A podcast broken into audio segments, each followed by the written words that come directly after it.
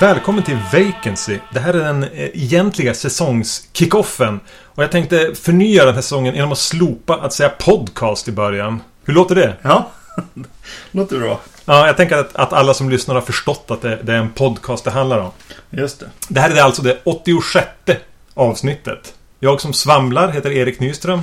Och jag heter Magnus Johansson. Eh, jag fick en fråga eh, bara för några veckor sedan av en, eh, en, en bekant som eh, frågade mig var jag köpte mina Region A Blu-rays, alltså amerikanska. Just det. Och det är ju en ganska bra fråga egentligen. Ja, precis. Förutsatt att man har en re- spelare som kan spela regionsfria. Så var köper du, eller Blu-ray överhuvudtaget, eller amerikanska? Ja, För jag vet att du gjorde en rejäl batch på filmer vi har planerat in under vårterminen här på Vacancy. eh, precis. Eh, jag köper all min film numera på Amazon. Ja. .co.uk Den brittiska. Ja, precis. Eh, Använder du Marketplacen då för att köpa, säga om det är någon region A, alltså någon amerikansk region? ja, precis. Ofta ligger väl de som jag köper på sådana Ja. eh, liksom, ställen. Och eh, ja, men då börjar man ju känna igen några stycken så här, eh, som faktiskt levererar till eh, Sverige också. För det Mm. brukar ju hän- eh, hända när man kommer till kassan att bara, nej tyvärr den här. Här får du inte köpa om du inte ändrar din adress till. Precis. England. Ja, och ibland är ju det jättejobbigt. För då är det någon film man vill ha och eh, det finns inga andra återförsäljare. Liksom. Men, eh, men jag tycker att det funkar väldigt bra. Det finns någon annan, jag vet inte om du köper från någon annat ställe. Alltså jag använder så ofta jag kan eh, Amazon, brittiska Amazon då. Mm. Och då eventuellt deras, deras Marketplace. Där ju seriösa återförsäljare som egentligen förmodligen bedriver butiker säljer. Mm. Eh, I vissa fall har jag använt mig av de här import CDs som jag vet att jag tipsade dig om. Mm. Problemet var att jag gjorde en liten större beställning därifrån i höstas. Dels tog det väldigt lång tid för den att komma och när den väl eh, anlände så hade jag hade den fastnat i tullen. Visserligen kostade det typ 170 kronor eller Mm. vad det blev. Det är ju inga svidande av men det är inget kul att ens paket... eh, På något sätt känns det som ett nederlag. Eh, Jag hade problem att, att köpa därifrån. Eh, Det är ju ofta en lite billigare butik det. Ja, de har bra priser och Ja. ofta snabba. Och Men jag hade jättesvårt att få, få igenom mitt så här, Visa eller Mastercard eller vad jag har. Eh, Och eh, du åkte på något sätt, de drog pengarna flera gånger va? ja, precis. Just det, det gjorde de också. De bara, nej men det här går inte igenom. Jag be- behöver en riktig adress eller vad det var. Eh, Som, som jag försökte skriva in rätt. men vem vet. Ja, och då drog de det bara om och om igen när jag tryckte på, på liksom checkout-knappen. Du fick tillbaks pengarna. Ja, jo. jo Så du har inte använt dem sen dess då? Nej, det har jag inte. De, man kan köpa därifrån via Paypal, men det, det blir en liten extra avgift där. Och sen ska man ju då komma ihåg att risken finns att din försändelse fastnar i tullen. Det har jag aldrig varit med om av någon av återförsäljarna på Amazon Marketplace. Mm. Sen nu eh, när det... Barnes Noble har ju sin Criterion-rea ett par gånger per år. Just det. Eh, Så därifrån brukar ju passa på att beställa då när de har 50% på, på Criterion-titlar. Men även där nu senast beställde jag tre filmer. Eh, varav två som kom i samma försändelse fastnade i tullen. Mm. Därifrån har det fastnat eh, mer för, för mig också. Men å andra sidan brukar jag köpa en jättebunt när Mm. de har den här rean eh, på Criterion Collection. En rea man bör hålla ögonen öppna för. tips brukar vara att följa Criterion på... Eller likea säger man väl på, Ja, på Facebook. För då brukar de vara ganska snabba och basunera ut när, de, när den rean går, går igång. Eh, Men eh, vi är väl ganska eniga båda två att det bästa sättet att handla Blu-ray, antingen engelska eller amerikanska, är att leta på Amazon Marketplace. Ja, Brittiska Amazon. Jag har aldrig nästan varit inne på den amerikanska. nej, nej. Nej, absolut. Yes, eh, Moving on! precis. Eh, ja, i det här avsnittet, vad ska vi... Vad, vad har vi sett? Vad har vi sett för någonting? Eh, vi har sett två vampyrfilmer regisserade av eh, lite creddiga, coola regissörer. Mm.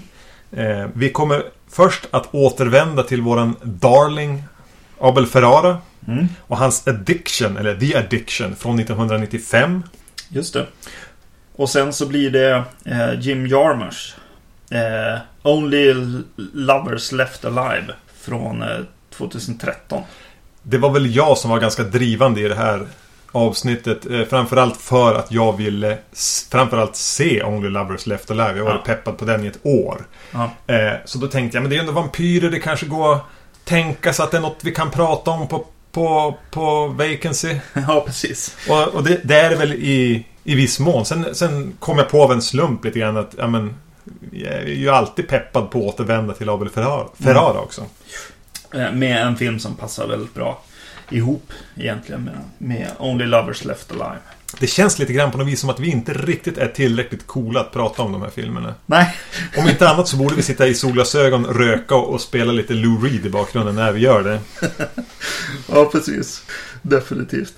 The Addiction, eh, då, som kom 1995, handlar om en ung studentska, eller vad man ska säga, i New York. Hon pluggar på universitetet. Som eh, under en kväll blir angripen av en kvinnlig vampyr och biten och eh, förvandlad. Mm. Eh, hon eh, försöker komma till rätta med, med, med det här som har hänt henne. Samtidigt som hon jobbar på, och, på sin doktorsavhandling. Där hon eh, brottas med, med funderingar kring, kring eh, ja, men fri vilja, kring skuld. Eh, om mänsklighetens eh, vidrigheter som de har gjort. Bland annat eh, Förintelsen och eh, andra men, stora mänskliga tragedier. Mm, Eh, den här kvinnan spelas av eh, Lily Taylor. just det. Från The Haunting. Är det det du har skrivit upp på Lily Taylor? Six feet under Ja, också, men- kanske. Just det. Och, så, och så dyker även eh, Christopher Walken eh, upp i en roll här. Ja, och det här är ju ändå när han var stor, tänker man. Här var han ju, det här var ju efter han hade varit med och, i Pulp Fiction och hade... Ja, men mitten av 90-talet var en kultskådis med riktigt jävla stort K. Ja, precis. Men har ju jobbat med Abel Ferrara förr i King of New York. Mm, precis. Det. det här är ju en svartvit film i 4.3-format. Ja, i alla fall den utgåva vi såg. Jag Ja, ja. tror att den här var en sån här open matt eh, Ja, version. Att den egentligen är filmad i ett 1.85 format. Ja. Men att den här, vi såg den via, hyrde den via iTunes. Eh, bilden på omslaget de hade där kändes lite lågbudget. Så förmodligen har de en tillgång till en lågbudget-transfer av den. Där de helt enkelt har valt att eh, inte beskära bilden. Ja, just det. utan lyfta bort de här svarta fälten i, i upp och ner i bildkant som eh, har maskat av den då. Så att egentligen får vi mer information än kanske vad Abel Ferrara hade tänkt sig. Vi, vi missar i alla fall ingenting, även om formatet på filmen blir lite skevt. Just det, precis. Inte för att just det störde. Nej, för mig, jag, jag har just sett eh, lite svartvit film. Bland annat såg jag eh, The Girl Who Knew Too Much. Ja, Bavas. Mario Bavas film, ja. Och eh, den är ju fantastisk visuellt. Mm. Eh, och, eh, och otroligt fint svartvitt eh, foto till en liksom grad att jag börjar känna att just det här att välja svartvitt kräver ett foto som är väldigt fint på något vis. Eh, och eh, det finns en del bilder i den här som fick mig att, att, fundera kring det här greppet. Eh, särskilt i början av filmen, för de visar, eh, alltså Abel Ferrara som vanligt visar lite livliga gatubilder. Mm. Eh, när folk går omkring, kameran är handhållen och eh, Men glider, glider lite grann längs sliset i New York. Pre- precis. Eh, och just det här att den är handhållen och fotad som, som en film i färg. Mm. Eller man är väldigt, väldigt van vid att se sånt här i färg. Även liksom människorna och, eh, och de här gatorna och neonskyltar och så vidare. eh, Gjorde mig lite fundersam kring, kring det här greppet med svartvitt i den här filmen. Men sen så går den ju och, och blir en klassisk svartvit film på något Mm. vis också. Han, han, han använder liksom eh, Ja men stativ Eh, och, och, och långsamma åkningar och panoreringar som, man är, som är lite mer klassiskt eh, svartvitt. Eh, det känns någonstans som att han liksom inte kunde liksom hålla sig. Från att vara vanliga Abel Ferrara här på något sätt. Jag tror aldrig jag sett en, en, en svartvit film heller som är så fruktansvärt svart. Alltså den använder verkligen det svarta i svartvitt. Mm. Och jag tror att någonstans att, att det kan ha varit en av anledningarna till att väl göra valet att fota den i svartvit. Ja. Var att få skapa den här extremt, extremt svarta världen som det blir. Eh, Kontrastrika där man nästan bara ser konturer på karaktärerna. Mm. Och, och eh, den blir ju mer och mer stilistiskt fotad egentligen. Mm. Eh, Jag vet inte om det bara var slumpen att scenen när hon i inledningen när hon vandrar längs gatorna är handhållen. Ja. Att, att det kom först. Jag vet inte i vilken ordning den är fotad. Men Nej, känslan precis. blir verkligen som du säger att, att kameran liksom stelnar mer och mer. Mm. Sitter fast på det där stativet till slut. Och just den här kontrastrika fotot eh, gör ju väldigt gott för Lily Taylor som är med Mm. i filmen. Det känns som att eh, en anledning varför hon är med är för att hon funkar otroligt bra i det här kontrastrika liksom, fotot och blir, blir eh, otroligt vacker i den här eh, filmen. På ett väldigt häftigt sätt, liksom. Li- Lite hårda kanter och så. Mm. Ja, men hon Mm, har ju ganska tydliga drag i Ja, ansiktet. precis. Och, och när man då sätter en, en, ett kontrastrikt foto på det så får hon ju ett lite overkligt, äh, overkliga anletsdrag. Och så har hon ett mörkt hår här. Och det, Mm. hon blir ju nästan den mest visuellt slående med den här filmen. Är ju Lily Taylor som blir mer och mer vampyr. Mm. Just det.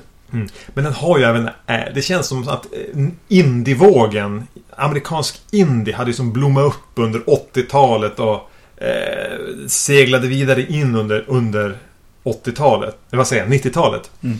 Och, att det här, och då var det liksom okej att filma en i svartvitt.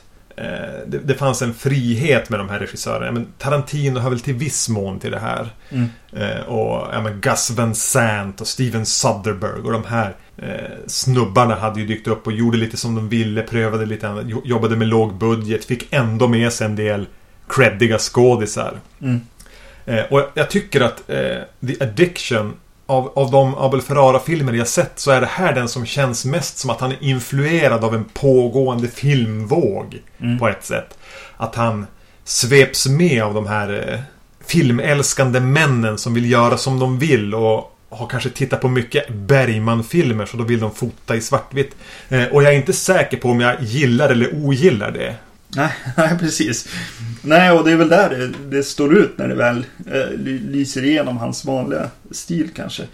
Någonting väldigt skönt dock när det väl blir så här svartvitt och, och man, man inte riktigt eh, kan ta på tiden liksom. Mm. Eh, är ju en, en effekt av att eh, filma i, i svartvitt eh, i, i nutid. Är ju att det blir ju lite mer klassiskt. Eller? Ja, det blir liksom- svårare att datera en film om inte annat. Precis. Och, eh, och just i den här filmen så, så kommer jag att tänka på att Abel Ferrara är en person som använder hela USAs eh, etnicitet.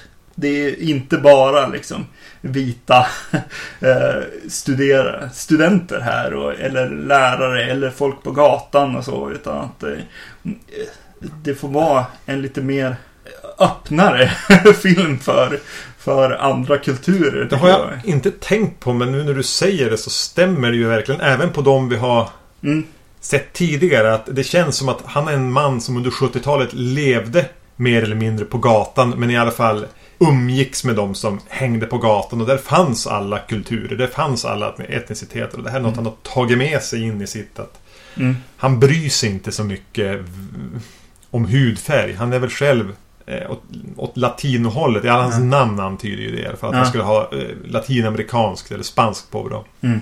Och det är, ju- det är ju en, ett, en rolig grej med den här. Alltså musiken blir ju så också. eh, Går ju från liksom, ja, lite härlig.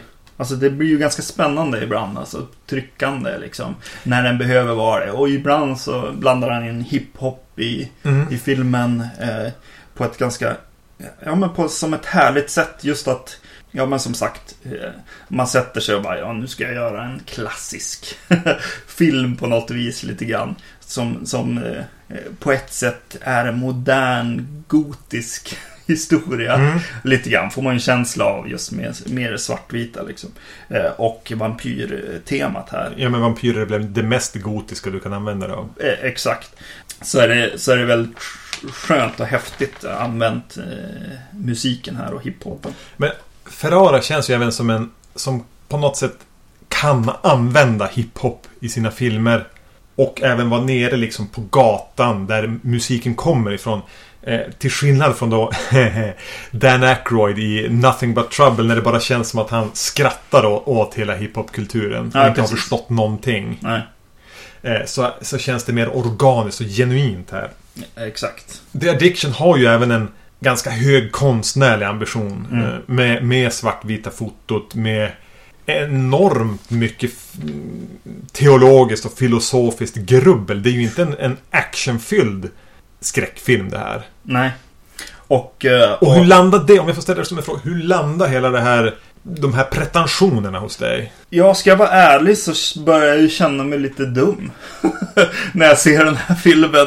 Och, eh, och blir lite så här. Ja, för det, det som händer med mig när, när eh, liksom hon går och tänker och grubblar och vi får se alla de här eh, bilderna från förintelsen och Ja, andra världskriget. och sånt. Eh, Jag blir ju väldigt, väldigt tyngd av den här filmen. Mm. Eh, Inte bara liksom... eh, Ja, först och främst att mm, mänskligheten är ju... Alltså det är bara... Det är bara skit. Ja, det är bara skit och vi kommer... Vi eh, har ju tydligt redan förstört eh, jorden liksom. Eh, och eh, eh, det blir ganska tungt och sen, sen att den liksom är på en nivå på något sätt i... Det kanske är att jag, jag har ett visst ointresse kanske av filosofi och Mm. väldigt eh, djup sådan. Eh, gör att jag blir lite nedtryckt av den också.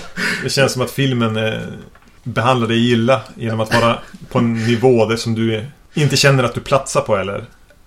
Ja, lite så. Och, och därmed inte sagt att filmen är bättre än dig. Nej, nej. Den har bara andra intressen. Eh, ja men den har ju mycket...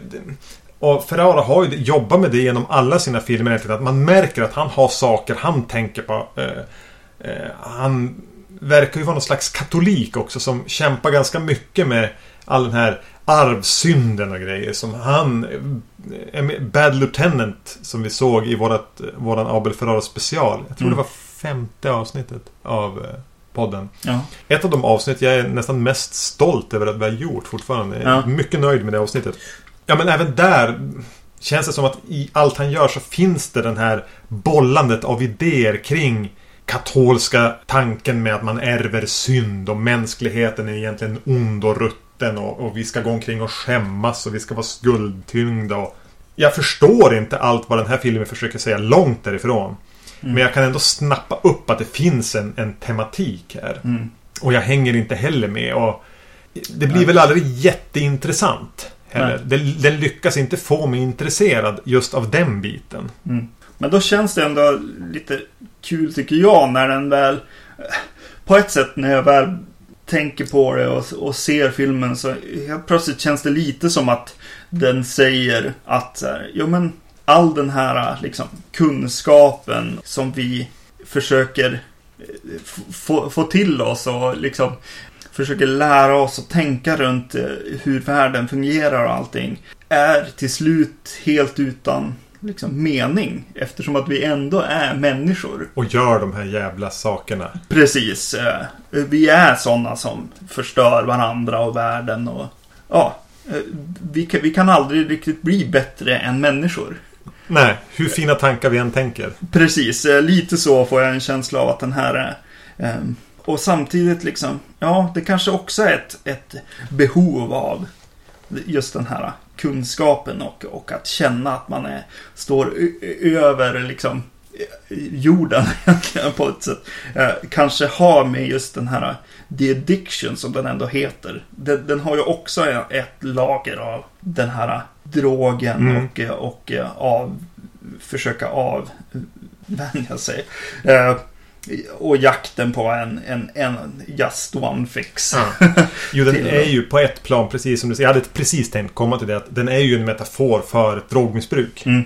Eh, det är ju som ingen slump att hon när hon blir biten av den här vampyren liksom har sagt hej då till sin kompis. Jag ska gå åt det här hållet. Och sen är det aldrig riktigt uttalat vart hon är på väg. Hon går bara längs gatan, träffar Mm. på, prat, eller blir antastad av några gangbangers eller man ska säga som hänger på gatan. Och se- sen blir hon helt plötsligt överfallen av den här vampyren. Och det finns så mycket med vampyrismen som är kopplat till att vara heroinist. Och hon injicerar ju till och med blod i den. Det, Mm.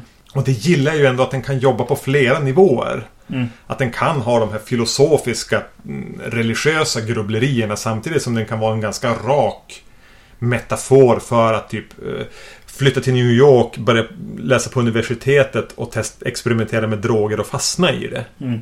Ja, och sen så finns det någonting i den här filmen som påminner mig om eh, Possession, som vi såg. Eh, lite grann i hennes eh, ja, men addiction och possession och går lite hand i hand. Och hon, hon, gör, hon gör scener precis som... Eh, oj, jag tappar namnet på den skådespelerskan i Possession.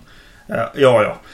Det är lite jobbigt för mig att, att eh, få in Possession i mitt huvud när jag ser på den här filmen. För då, då börjar jag känna att vad heter det, eh, Lily Taylor inte riktigt kommer hela vägen dit hon behöver vara.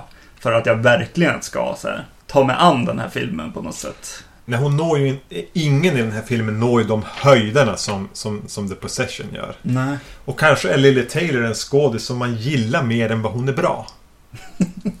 Ja, Det är omöjligt. Jag har alltid gillat, och hon Ja. är med i väldigt mycket bra filmer, hon är ju aldrig dålig. Nej. Men hon kanske aldrig själv är den som lyfter filmen till att bli jättebra. Nej. Eh, nej, det är lite synd för, den här filmen att, eh, att, det, att det blev så för mig. Att jag, jag inte riktigt köpte henne i den här rollen. Och sen känns det ju som en... Alltså, det är ju bara marketing att eh, Christopher Walken är liksom eh, namngedd. Ja, men vi måste ju ändå nämna att han är med, någonting Ja. om hans cameo performance. Nej, inte cameo, men han har ju inte varit många dagar på inspelningsplatsen. Nej. Han kommer ju in som någon slags vampyr som har lärt sig leva med sin addiction. Mm. Han bara, jag kan vara ute i solljus och jag har ett jobb och jag behöver inte alltid eh, så här, bita människor. Och, Mm. eh, spelar sitt så här, på gränsen till överspel. He, eh, kör sin grej bara helt enkelt. Ja. Och det är ju ganska kul att titta på. Ja, jo. Jo, men han kommer ju in som... Alltså, han ska ge lite exposition och lite... Och lite energi kanske. Ja, precis. Eh, Och det, det gör han väl. Men jag vet inte om han hör hemma på som liksom andra Bill. Nej, han får ju väl... Sätt Christopher Walkens namn på en film 95 och du kommer att få några Ja, extra betalande biobesökare. Sj- Självfallet. Ja. Ja, det känns som att det här är en bra film för någon. Mm. Men jag... Nej, jag kommer aldrig riktigt, riktigt in i filmen. Jag, jag söker detaljer och tycker om detaljer, men ja, det blir också det. ja, jag vet inte. Kanske, ja, eh, för kontext så hade vi ett ganska jobbigt samtal om just mänskligheten och, och jorden eh, dagen innan vi såg den här också. Jag hade, det- något, jag hade någon jä- jättedeppig rant om miljöpolitik. Precis, och eh, det här gjorde ju inte liksom, gjorde ju en inte riktigt gladare Nej, det är ju en av det direkt. Dyster film. Eh, Ja. och, och jag är lite på, lite på samma nivå som du. Jag tar inte in den här till fullo. Eh, jag hänger inte med i allt. Eh, Det kan vara en film som man behöver se några gånger. Och Ja. kan säkert uppfatta mer saker. Och är man eh, påläst inom filosofi. De Mm. droppar ju namn. De droppar ju Nietzsche och Sartre och, Mm. och sådana där. Eh, så kan man säkert hitta mer i den. Ja. Men eh, den är ju som en okej film. Inte speciellt mycket en skräckfilm. Den är ju mer för eh, gymnasieeleven eh, med polo. Eh, tröja. Ja, ja, ja. Absolut. Eh, Och det är ju ändå Abel Ferrara. ja, precis. Ja, det, det är ändå han. Ja, det Helt går ju inte klart. att avfärda. Nej, det går inte. Absolut inte. När jag såg den här och sen vi satt och tittade på den andra filmen eh, då, som vi nu håller på att röra oss fram emot. Eh, Only Lovers Left Alive. Så kände jag ju att, att eh, tematiskt sett så har vi ju ändå verkligen slagit jackpot. Det här kanske är vårt mest bäst sammansatta tematiska avsnitt hittills Ja. under podcasten. För inte bara är Jim Jarmusch och Abel Ferrara två regissörer som på något sätt jobbar lite grann i samma genre. Har lite samma status. Jim Jarmusch är väl lite creddigare, lite coolare, än mer uppskattad av gymnasieeleverna i polo. Mm. Eh, men på något sätt så, så är de ju besläktade. Ja. Och det är återigen en vampyrhistoria och eh, det är återigen inte en skräckfilm. Nej. Och det är återigen ganska deppigt. Mm. Eh, Only Lovers Left Alive handlar om de två odöda vampyrerna Adam and Eve. Mm, det kan vi återkomma till kanske. Deras namn. Som eh, tycks ha haft en, en relation genom århundraden. När vi träffar dem så är det en, en nutid. Hon bor i Tangier, som är väl i Nordafrika någonstans. Mm. Han lever i eh, Detroit och är en eh, musiker. Mm. Eh, de pratar med varandra. Hon åker för att hälsa på honom. Pratar om mänskligheten. Pratar om eh, deras relation. Åker runt i natten. Hennes syster kommer på besök. Det händer marginella saker. Ja, precis. Huvudrollerna spelas... eh, Det finns väl egentligen fyra nämnvärda karaktärer här. Vi har... Vad heter han? Huddleston. Eh, Tom Hiddleston. Hiddleston. Loke från eh, Thor och Avengers. Precis. Eh, spelar Adam. Tilda Swinton. Eh, känd från många bra filmer. Du ville helst nämna Narnia tror jag. Många. Just det. Ja, hon har varit med i någon tidigare Jarmusch-filmer. Ja, Alla vet vem Tilda Swinton är. Ja. Spelar Eve. Mia fyller i efternamnet åt mig. Vasiko- Va- Vasikovska. ja, spelar Ada. Just det. Kaosvampyren som alltid finns med i såna här filmer. Tydligen, ja. Mm. Eh, precis, och hon, hon eh, är ju med i den senaste Jane Eyre. Eh, inspelningen, Stoker och eh, en film jag såg nyligen som heter Tracks. Ja, jag trodde du bara satt och hittade på. Just det. Nej. Eh, Där gör hon en riktigt bra eh, roll också. Eh, Den Tracks handlar om en kvinna som går igenom Australien för att hon vill vara själv ett tag. Det låter ju som ett ganska trevligt koncept. Ja.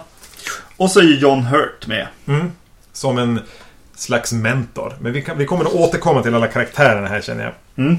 Hur coolt börjar inte den här filmen? Ja. Först får vi en stjärnhimmel med så här eh, extremt tunga gotiska ty, gotiskt typsnitt i förtexten med rö, röda. Mm. Eh, men huvudnamnen och fi, na, filmen på titeln. Och sen hamnar vi på något sätt i en snurrande en, eh, vinylspelare som spelar en singel uppifrån och sen får vi se huvudkaraktärerna ligga liksom lite halvt dekadent utslagna i några supercoola rum.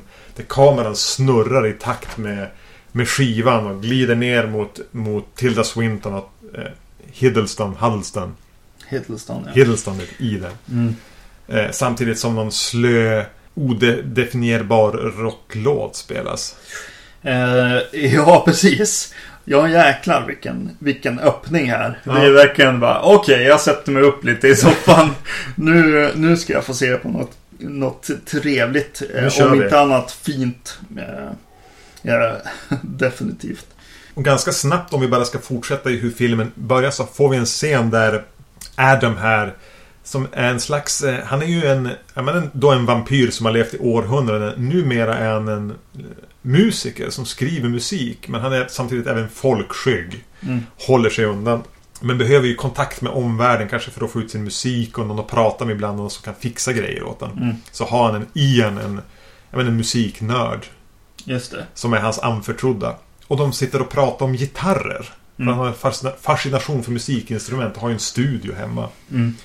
Och den scenen när de bara öppnar gitarrer och beundrar liksom instrument och pratar om liksom hur Pratar om hur vackra instrumenten är och vilken historik det finns i dem. Mm. Det är ju en fantastiskt skriven scen. Ja, otroligt bra. Precis, man vill ju bara börja spela gitarr.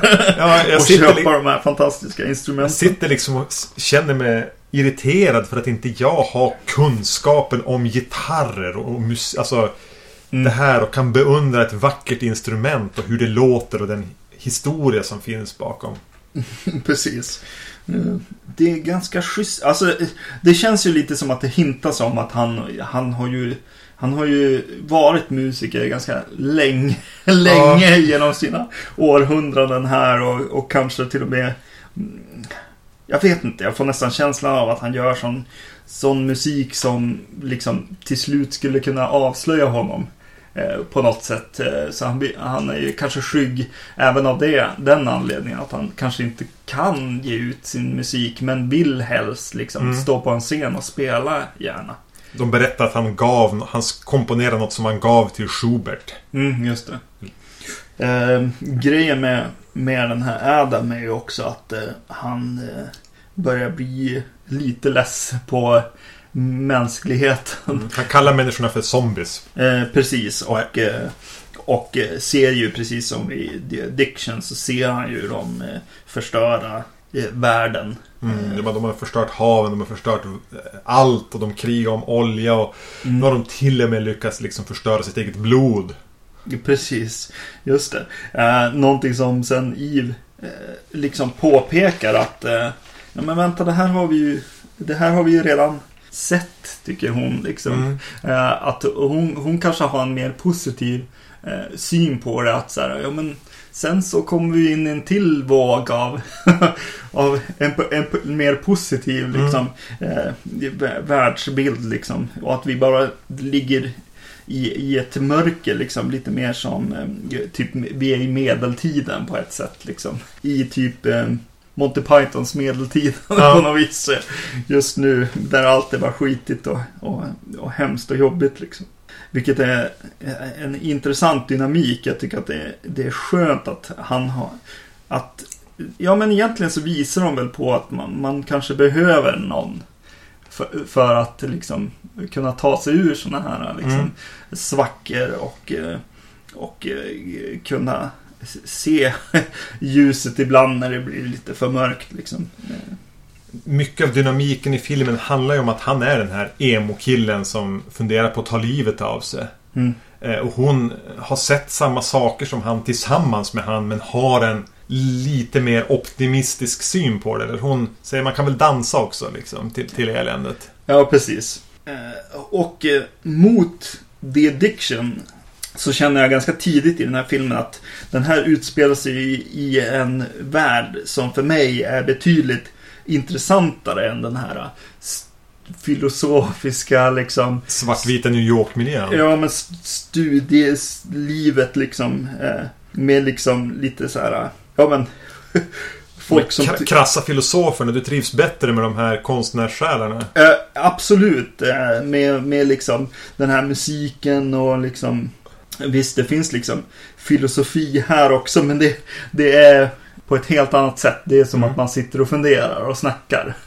Snarare än, än liksom. eh, Ja men där, där The Addiction citerar filosofer Ja. så går den här snarare en väg via konsten och kreativiteten och skapa lusta och, Precis. och liksom ta nästan i stort sett samma funderingar. Mm. Fast via konsten tillbaka. Precis, de går via liksom. Ja, men precis. Som Konsten. gör den lättillgängligare för alla som gillar någon typ av konstform. Precis. Jag, jag menar, lyssnar man på den här podden så antar jag att man gillar film. Precis, det är, det är referenser till film, musik och vad heter det, eh, ja, men teater och, och författarskap. Liksom, Ja, men här. Även här är det säkert mycket av alla de här litterära referenserna som så här swoshar över huvudet på en. Mm, Men eh, andra landar ju också. Precis. Och, och till det här, om man, om man inte... Det känns som det inte har framgått i vårt samtal än så länge. Så finns det ju också en, en glimt i ögat.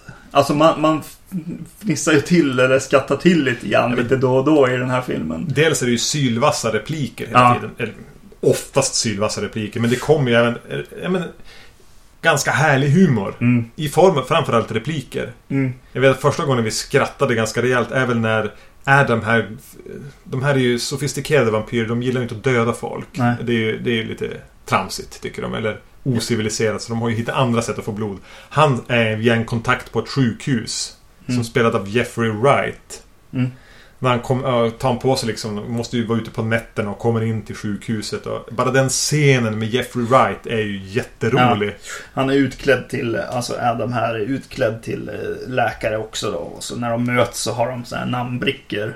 Och då, då läser de varandras. Hallå, doktor Faust heter den ena ganska kul. Och så sen när han, när han då läser, när Adam då läser hans, eh, den andra eh, bricka så bara, ja, ja, god dag Dr. Watson. det är ganska låg liksom humor på Ja. något sätt också. Men eh, ja, det blir ju det blir ju kul. Eh, Ja men det blir ju så här populärkulturellt nästan. Ja, men den laddar ju populärkulturella referenser med, med referenser som jag inte tror att vi riktigt greppar alltid. Nej. Eh, Eftersom jag inte har, kan tillräckligt mycket om musik, teater, eh, sånt. Men, men det gör ingenting Mm. för mig. Ja precis. De kör förbi Jack Blacks. Inte Jack Black, Jack Black utan nej. den andra. Jack White. Jack White. Ja, White Stripes. Barndomshem Mm. åker de förbi och, och han ska visa det för sin, eh, för, för Eve. Ja, men de säger bara åh, lilla Jack White. ja, Så bara, ja, antyder de att Jack White är en, kanske någon som numera är vampyr också. Hör till deras här, ganska fredliga sällskap. Precis, en, en person som ju har dykt upp i Jim Jarmusch Mm. filmer också. Så ja, det blir ju som en referens till polaren på något sätt. Mm. Han är och retas lite grann känns det som. Nästan. och förmodligen är det ju det där Jack Whites hus också. Ja, man, ja precis. Man, eh, man, man tänker ju det definitivt. Men du är inne på området där nu när de åker runt eh, i bil. Det är liksom, för de kan ju bara vara ute på nätterna. Mm. Och den här Adam är ju inte den som gillar Han vill väl helst vara i sin, sitt hus och spela Mm. sin musik och inte träffa så mycket. Men de åker, så där, när när han och Eve ska ut och göra saker så åker de runt i bil och tittar på saker. Så åker de genom ett Detroit som är Robocops Detroit liksom. Ja, Som vi ju vet är en stad i, i, på gränsen till konkurs. ja. Och man ser ju, alltså det är ju förfallna industrilokaler, övergivna hus. Eh, Mm. Upplysta av de här orangea eh, lamporna. Mm. Det är väldigt mycket bara blicka ut över en nästan över tom stad nattetid. Så de bitarna visuellt, där de Jim Jarmusch och hans fotograf jobbar ganska mycket med det är att det är ett djup i alla bilder. Mm. Det är ofta de sitter i förgrunden och man kan se saker långt bakåt så att man ska som se hela världen nästan. Mm. Ja, det är ju en jäkligt snygg film också. Eh, definitivt Ja. i alla aspekter med den här. Eh, där hon är också i, i eh, Tangier. Eh, Den här orangea och eh, turkosa Mm. färgerna som de använder där. Och, ja, det är som häftigt och snyggt. Eh, mycket, väldigt snyggt. Adams eh, lägenhet är ju fantastisk också. Ja, där gillar man ju som bo. Ja, precis. Han bor, hans vardagsrum är väl hans studio på ett sätt också. Eh, Och eh, han samlar ju på sig grejer också från alla tider också, vilket är jäkligt mysigt på något vis. Eh, Det känns, det känns verkligen som han har levt hela den här tiden och, eh, och har saker som han inte kan liksom bara lämna liksom. Vissa saker är ju till och med liksom, ja men jag kan inte ens eh, lämna liksom de här eh, inkopplade telefonerna. Liksom. Nej, han gillar det. Ja, precis. Det är ganska kul. Han har ju en sån här gammal, gammal, gammal TV där, där liksom skärmen nästan är rund eller Mm. oval. Alltså från 50-talet. Som man har lyckats koppla upp till sin dator. Så han sitter och kollar på YouTube och liksom skypar via en så här uråldrig TV. Ja. Eh, och, och jag börjar också tänka så här, ja men den, den funderar ju lite grann kring det här med att de har ju levt i flera hundra år och liksom tanken på hur mycket man har lärt sig. Om, om, om man övar på någonting i sig 400 år så blir man ganska bra på det. Ja. Eh, eller om man inte... Man har ju ganska mycket tid på sig att lära sig saker. Alltså, de är ju väldigt belästa de här och de verkar ju även kunna läsa saker väldigt snabbt. Vilket ju gör att de på ett sätt skulle kunna vara otroligt påfrestande människor eftersom de är sådana pretentiösa idioter. På ett sätt skulle man väl lätt kunna tycka det. Att de sitter där och ser ner på mänskligheten. Och bara våndas över hur, hur korkade vi dödliga är. Men jag hamnar ju aldrig i ett läge där jag irriterar mig på de här. Nej, precis. Han, han, han går ju mot en liksom lite så här, ja men svår musikerintresserad, musikintresserad person liksom. Ja, nej men det blir alltid, alltid som de är nere hos, hos en själv på något vis. Mm. Eh, och just att eh, det känns som att eh, den här va- vampyrismen liksom, just att, att man får börja grubbla över det här med att leva för evigt på något vis också tycker jag att eh, så här, bara just, just den positiva saken med att ha tid att liksom att hitta den bästa musiken, de bästa filmerna, de bästa böckerna liksom och få uppleva allt det här, den här- konsten som man Inte hinner med. Ja, precis. Nej, man blir lite avundsjuk också. Man börjar ju på något sätt avundas Adam and Eve här. Mm. Och, och, och trots att de ju har sina bekymmer så, så vill man ju på något sätt ändå kunna kliva in i deras skor. Mm. Och, och anledningen, tror jag, till att man inte börjar tycka att de är jobbiga eller pretentiösa, eh, högtravande, Mm. är ju att eh, både Tilda Swinton och Tom Hiddleston är ju, lyckas ju göra dem så mänskliga. Mm. Ja, precis. Trots att de inte är på något sätt mänskliga. Hela grejen med att bara kunna slappa liksom och, vet du, och ligga och ta det lugnt och sova eh, lite längre Mm. på morgonen eller i deras fall på dagen. Eh, och, eh, eller på kvällen blir det i deras fall. Och det, ja men de blir ju som människor. Nu kan, det kanske är vi som då är pretentiösa och, och så som, som identifierar oss med det här kanske. Säger mer om oss än om någonting annat. Ja, precis. Andra ser den här filmen och så bara, de där jävla... ja, ja, ja, jag vet inte. Men, eh, ja, nej men det är...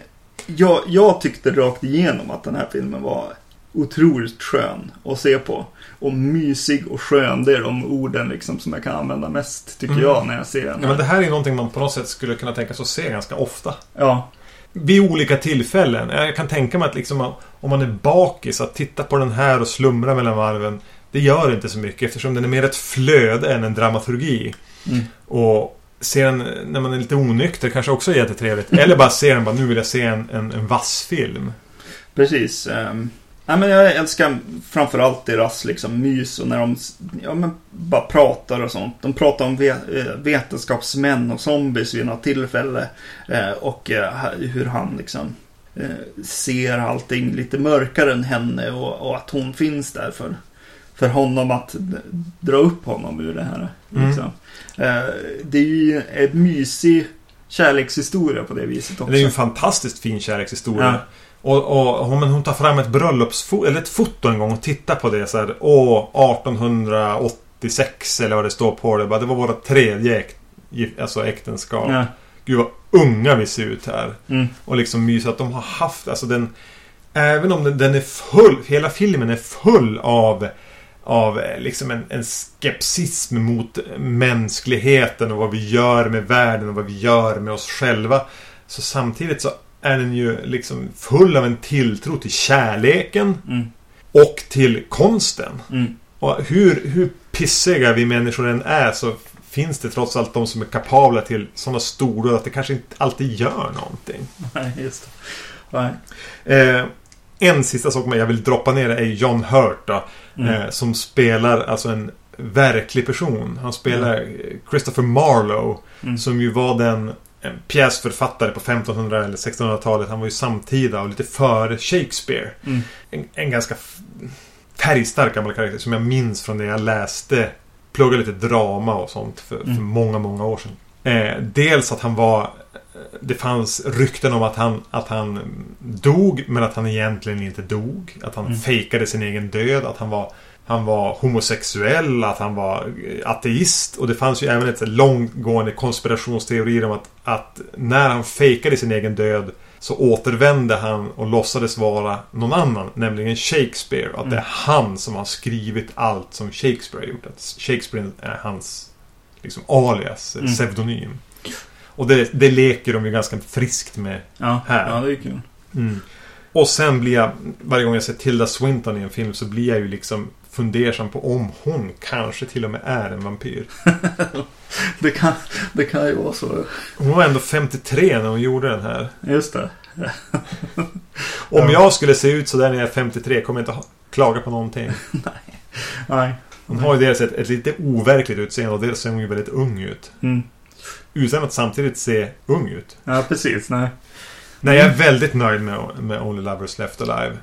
Eh, Jag med. Även om det inte på något sätt är en skräckfilm. Nej. Men det är ju en film alltså, ja precis. Som jag skulle, eh, som jag kommer att så här, tvinga någon att se. Och så kommer de säkert känna att man, men det titta här? konstigt på en. Ja, precis. Att så här, mm, den är lite så här långsam och tar, eh, tar, alltså när kommer vändningen? Vad ska hända liksom? Mm. Och det finns, det finns liksom lite så här. Ja men nu, nu kommer det hända någonting. De slänger ju in Mia här, Wasikowska som Eidas syster för att röra om i grytan lite grann. Ja. Eh, Och, och det, det är väl bra för filmen. Mm. Eh, det är det ju. Eh, men eh, det är ju inte den här eh, vändningen som, som de som inte har köpt filmen redan sitter och väntar på, känns det som eh, direkt. Ja, nej men jag, jag, jag gillar den här väldigt mycket. Det gjorde jag. Och eh, inom ganska kort tid kommer jag säkert se den både en och två gånger till. mm. Mm. Det finns så mycket också, förutom det visuella och, och bara liksom sitta och lyssna på två människor som pratar med varandra. Och litterära referenser och, och bara jävligt bra skådespel. Ja, och musiken också. Ja, Fantastisk musik. den prickar in ganska många fyror på en femgradig skala. ja, definitivt. Vi pratade lite grann innan om att du egentligen inte har speciellt mycket stark relation till Jim Jarmusch. Nej. Lyckades du hitta någon, jag vet inte om du gick igenom hans filmografi, som, som, som du har sett? Det är en sån där eh, regissör som liksom när folk pratar om honom så, så ler jag och nickar så här. Ja, ja, ja, men han. Ser Eh, ut som en blond Nick Cave. ja, eh, och eh, nej, jag har inte sett mycket. Jag har sett det är lite, ja. Broken Flowers. Nej, jag har sett Ghost Dog. Ja. Eh, Det är den jag har sett. eh, eh, En film jag... ja, Ja, jag kommer inte in i den filmen kan jag säga. Mm. Men, men alltså efter det här så... Alltså, ja, jag kommer ju definitivt kolla, titta in på det här och, och hoppas på liksom eh, skön dialog och eh, bra musik. Han har ju samarbetat ganska mycket med Tom Waits genom åren. Ja, Night on Earth har han gjort det. Tom Waits har gjort soundtracket. Mm. Eh, jag har någonstans stående i min, min filmhylla här Limits of Control som var filmen han gjorde innan den här. Som jag till Just och med det. har recenserat. mm. Som är väldigt, väldigt konstig. Eh, den här känns som en... Det här är en publikfriare i jämförelse. Men den har lite samma idéer om att den handlar om kreativitet, konstnärskap, att skapa saker och värdet i, i att få uttryck för sin kreativitet. Mm. Den tyckte nog jag var bättre än många andra. Den har fått ganska, fick ett ganska svalt mottagande. Okej. Eh, Tilda Swinton är med i den också. Ja. Den här har väl också fått lite så här mix, mixade. En del älskar den. Och... Ja, ja, jag har svårt att förstå hur man inte kan tycka om den. Nej, Om jag precis. ska vara ärlig. Nej, jag, satt, jag satt och tänkte så här, åh nej, nu kommer det här bli en sån där som bara... vi, vi hyllar, men man själv kan inte riktigt säga varför. Men eh, efter att ha sett hela filmen så kan inte jag heller liksom se att, att någon skulle tycka illa om den. Nej. Alltså det är ju ing... eh, lyssnar man på, på, på våran podd och eh, kan, gillar att se udda filmer som inte nödvändigtvis är skräckfilm så... Utan snarare rör sig i, i, inom genrer som lite slarvigt kallas för drama. Mm. Så nej, som sagt jag kan inte tänka mig att man inte skulle uppskatta det här. Nej, nej, definitivt inte. Eh, Så vi startade 20, säsongen 2015 på ett li, i en lite annan takt. eh, Med en lite annan typ av film jag gjort Mm. tidigare. Men det känns ändå som en, som en ganska bra början. Ja, det var en bra början med eh, för vampyrer också. Med, Mm, med Hammer-året här. Kan komma en och annan vampyr. Film, ja.